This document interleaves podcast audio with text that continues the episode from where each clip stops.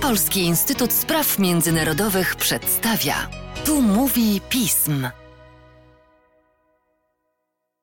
Tu mówi pism. Przy mikrofonie Mateusz Józwiak, a wraz ze mną Arkadiusz Legieć, analityk oraz ekspert Polskiego Instytutu Spraw Międzynarodowych do spraw Kaukazu i Azji Centralnej. Cześć Arku. Dzień dobry.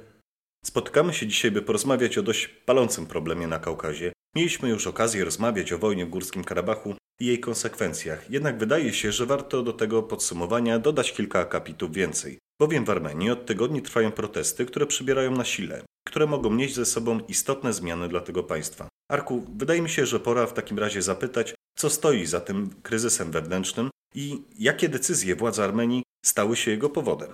Od kilku tygodni mamy w Armenii do czynienia z protestami wewnętrznymi, których bezpośrednią przyczyną jest polityka władz, polityka rządu Nikola Paszyniana w kwestii Górskiego Karabachu i w kwestii ewentualnego porozumienia pokojowego z Azerbejdżanem, też toczących się w tle także negocjacji na temat normalizacji relacji z Turcją. Więc, więc zanim przejdziemy do samych protestów, które są tutaj w zasadzie już tylko zwieńczeniem tej sytuacji, chciałbym nakreślić, jak wygląda sytuacja na miejscu i dlaczego działania władz Armenii budzą takie oburzenie w społeczeństwie. Jak wiemy, od 2020 roku mamy do czynienia z nowym status quo na Kaukazie, w Górskim Karabachu. W wyniku działań zbrojnych Azerbejdżan przejął kontrolę nad, nad dużą częścią ziem, które były kontrolowane przez Ormian przez poprzednie w zasadzie 30 lat. O tym rozmawialiśmy już wielokrotnie na tych podcastach, co stworzyło nową architekturę w zasadzie bezpieczeństwa i nową sytuację bezpieczeństwa z perspektywy Armenii. Po pierwsze, zmieniło to pozycję Armenii w jakichkolwiek negocjacjach. Zmieniło to poczucie Ormian, którzy przegrali wojnę, którzy na własnej skórze doświadczyli tej rosnącej dysproporcji militarnej na rzecz Azerbejdżanu, doświadczyli tego, że nie mogą do końca liczyć na wsparcie Rosji w kwestii karabachskiej, no i zrozumieli, że ten status quo jest dla nich niekorzystny, ponieważ karty zostały wytrącone im z rąk. O ile Armenia mogła przez w zasadzie przez 30 lat, kontrolując Górski Karabach i otaczające go obwody, negocjować z pozycji siły, no bo to ona kontrolowała te ziemię, to ona mogła ewentualnie coś oddawać lub nie, no to teraz ta pozycja się radykalnie zmieniła i to Azerbejdżan prowadzi negocjacje z pozycji siły jako ta strona, która zamanifestowała swoje zdolności militarne i strona, która w dalszym ciągu dąży do rozstrzygnięć na swoją korzyść w kwestii Górskiego Karabachu, w kwestii przebiegu granic. Od tamtego czasu w Górskim Karabachu zostały dyslokowane siły pokojowe Rosji, mm, rosyjscy mirotworcy, no ale jak wiemy, nie przeszkadza to zaistnieniu od czasu do czasu kontrolowanych eskalacji w Górskim Karabachu, które są inicjowane przez Azerbejdżan, który w ten sposób zarówno testuje odpowiedź Rosji na tego typu działania, jak i wywiera presję polityczną, militarną na Armenię. Zarówno mającą skłonić Ormian do bardziej ugodowej polityki względem Azerbejdżanu, ale również mające destabilizować sytuację wewnętrzną w samej Armenii, co, co, co, co efektywnie udaje się osiągnąć. I my rozmawialiśmy tutaj w poprzednich podcastach na temat tej eskalacji, która miała miejsce w marcu tego roku, kiedy, kiedy siły azerskie wkroczyły do wsi Paruch na, teren, na terenie Górskiego Karabachu. Rozmawialiśmy o eskalacji w listopadzie ubiegłego roku, rozmawialiśmy o eskalacji w maju ubiegłego roku. To są jakby takie większe punkciki na, na tej mapie czasu eskalacji, no, no, no, ale de facto sytuacja zagrożenia z perspektywy Armenii, sytuacja wywierania tego militarnego nacisku na Armenię w Górskim Karabachu i na bezpośredniej granicy obu państw, ona trwa tam permanentnie. No i przy okazji tej ostatniej eskalacji w marcu Azerbejdżan wystosował propozycję negocjacji czy też rozwiązania pokojowego tego problemu. Poza tym, że Rosjanie dyslokowali swoich mirotworców do, do Górskiego Karabachu, no to Rosjanie również od 2020 roku prowadzą w nowej odsłonie ten taki proces pokojowy między Armenią i Azerbejdżanem pod swoją egidą, przede wszystkim w ramach trójstronnej grupy roboczej na poziomie wicepremierów, której zadaniem jest odblokowanie korytarzy transportowych w regionie, co, co było jednym z głównych punktów rozejmu kończącego walki w 2020 roku, ale również starając się obudować to, to, to otwarcie e, korytarzy transportowych także innymi kwestiami, które miałyby uregulować trwały pokój, powiedzmy, w regionie e, Kaukazu między Armenią i Azerbejdżanem. No do dzisiaj te negocjacje nie przynoszą efektu, w związku z czym Azerbejdżan w marcu z pozycji siły wyszedł ze swoją propozycją, propozycją tzw. Tak pięciu punktów Azerbejdżanu, zaproponowaną autorsko w zasadzie przez ministra spraw zagranicznych tego kraju, Jejhuna Bajramowa.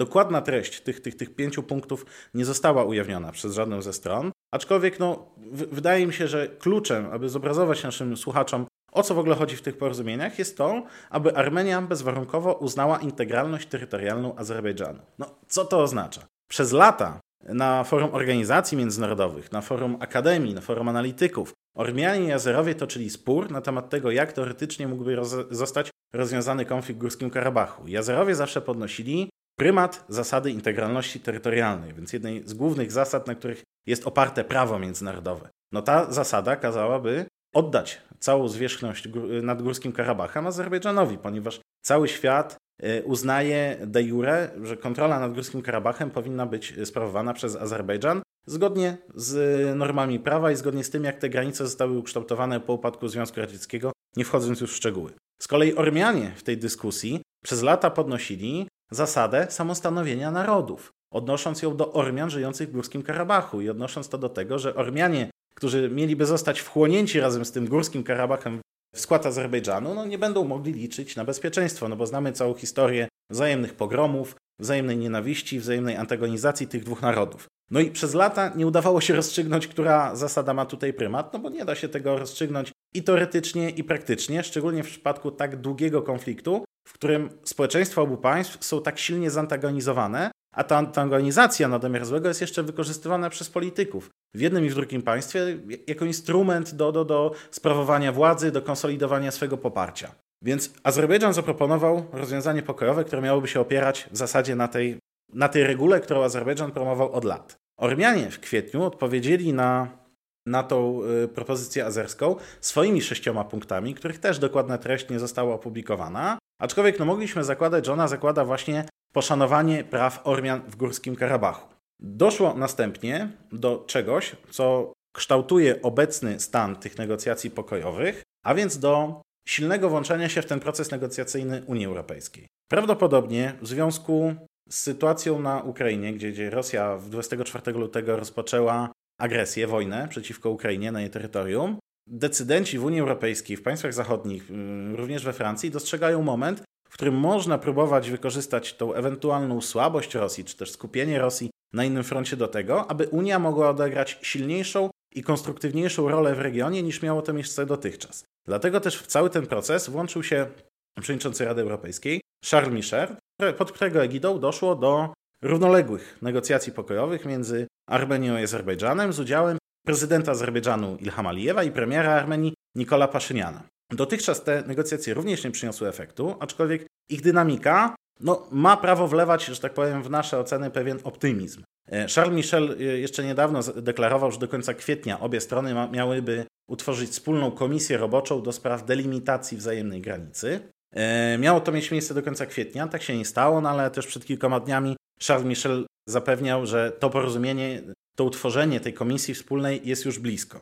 Byłby to pewien moment przełomowy, ale byłby to wciąż moment daleki do rozwiązania konfliktu. Aczkolwiek to wszystko jest pewnym tłem do tego, co wydarzyło się w samej Armenii, ponieważ o ile te negocjacje pokojowe możemy ocenić jako bardziej lub mniej efektywne, do tego pewnie dojdziemy za chwilę w podsumowaniu, o tyle sama polityka władz Armenii jest tutaj pewnym, pewnym czynnikiem, na który powinniśmy zwrócić szczególną uwagę.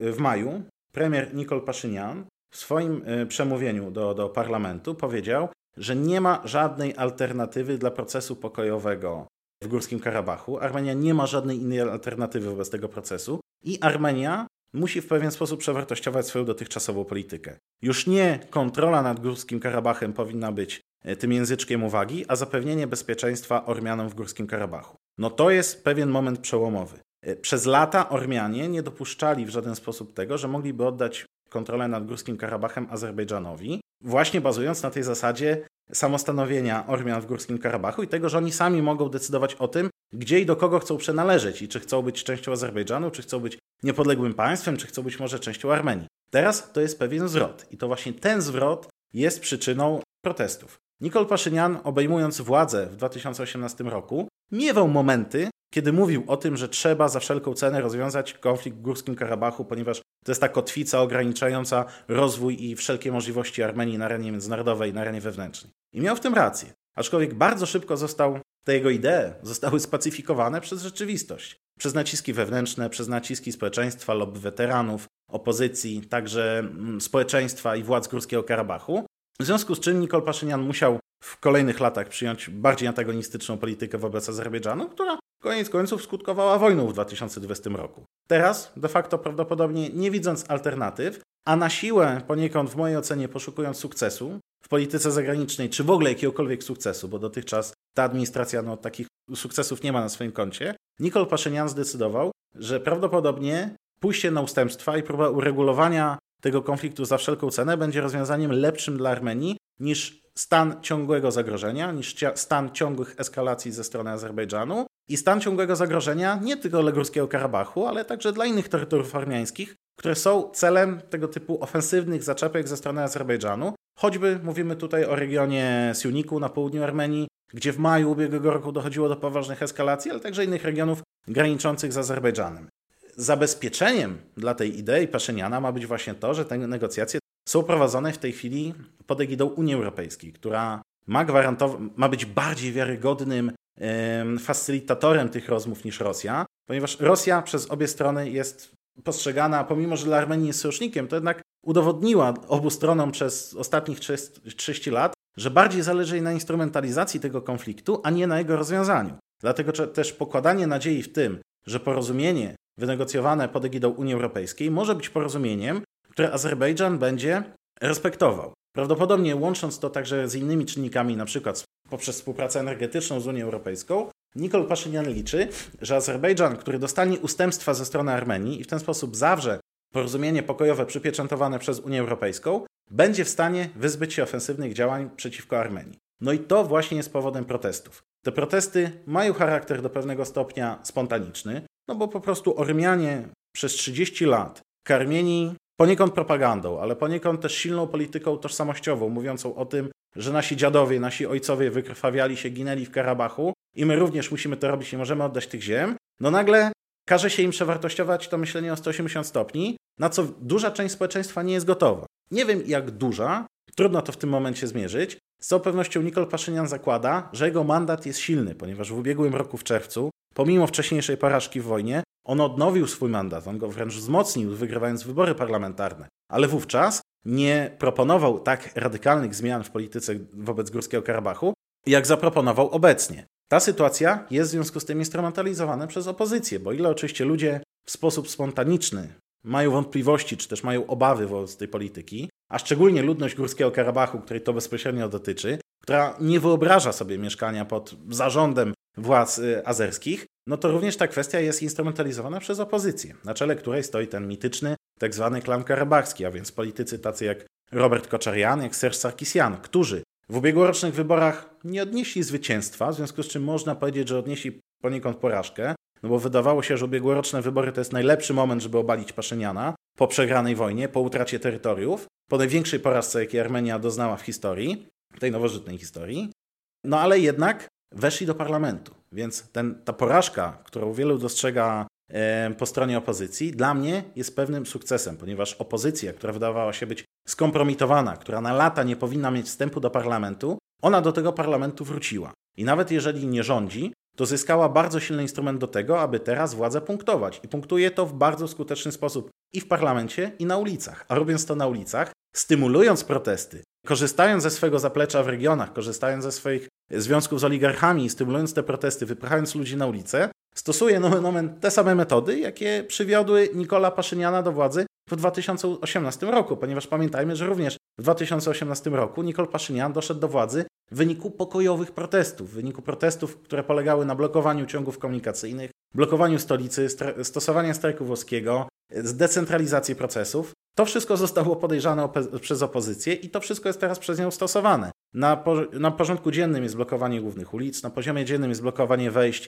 do głównych instytucji państwowych na czele z, biurem, z administracją premiera, z Ministerstwem Spraw Zagranicznych i innymi urzędami. To wszystko powoduje, że sytuacja wewnątrz jest bardzo napięta i pytanie, czy Paszynian to wytrzyma. Nie jestem w stanie w tym momencie ocenić, na ile silne jest jego poparcie wewnętrzne. On na pewno je ma, ale tak jak, tak jak zaznaczyłem, zdobywając poparcie w wyborach w ubiegłym roku, nie deklarował tak radykalnych zmian w polityce wobec Górskiego Karabachu, jak deklaruje teraz. To rodzi naprawdę ogromny sprzeciw już nie tylko tej opozycji, ale po prostu społeczeństwa, lobby weteranów, także diaspory, która nie wyobraża sobie tego typu po prostu oddania ziem, które uważa za swoje, co jest efektem długoletniej polityki tożsamościowej rządu. No i też oczywiście cieniem na poparcie i na stabilność wewnętrzną rządu Paszyniana i ogólnie całej Armenii będzie się kładło powodzenie tego procesu. No bo jeżeli Paszynian zadeklarował tak daleko posuniętą gotowość do ustępstw, a to nie, nie doprowadzi do jakiegoś sukcesu, no to to będzie bardzo poważny problem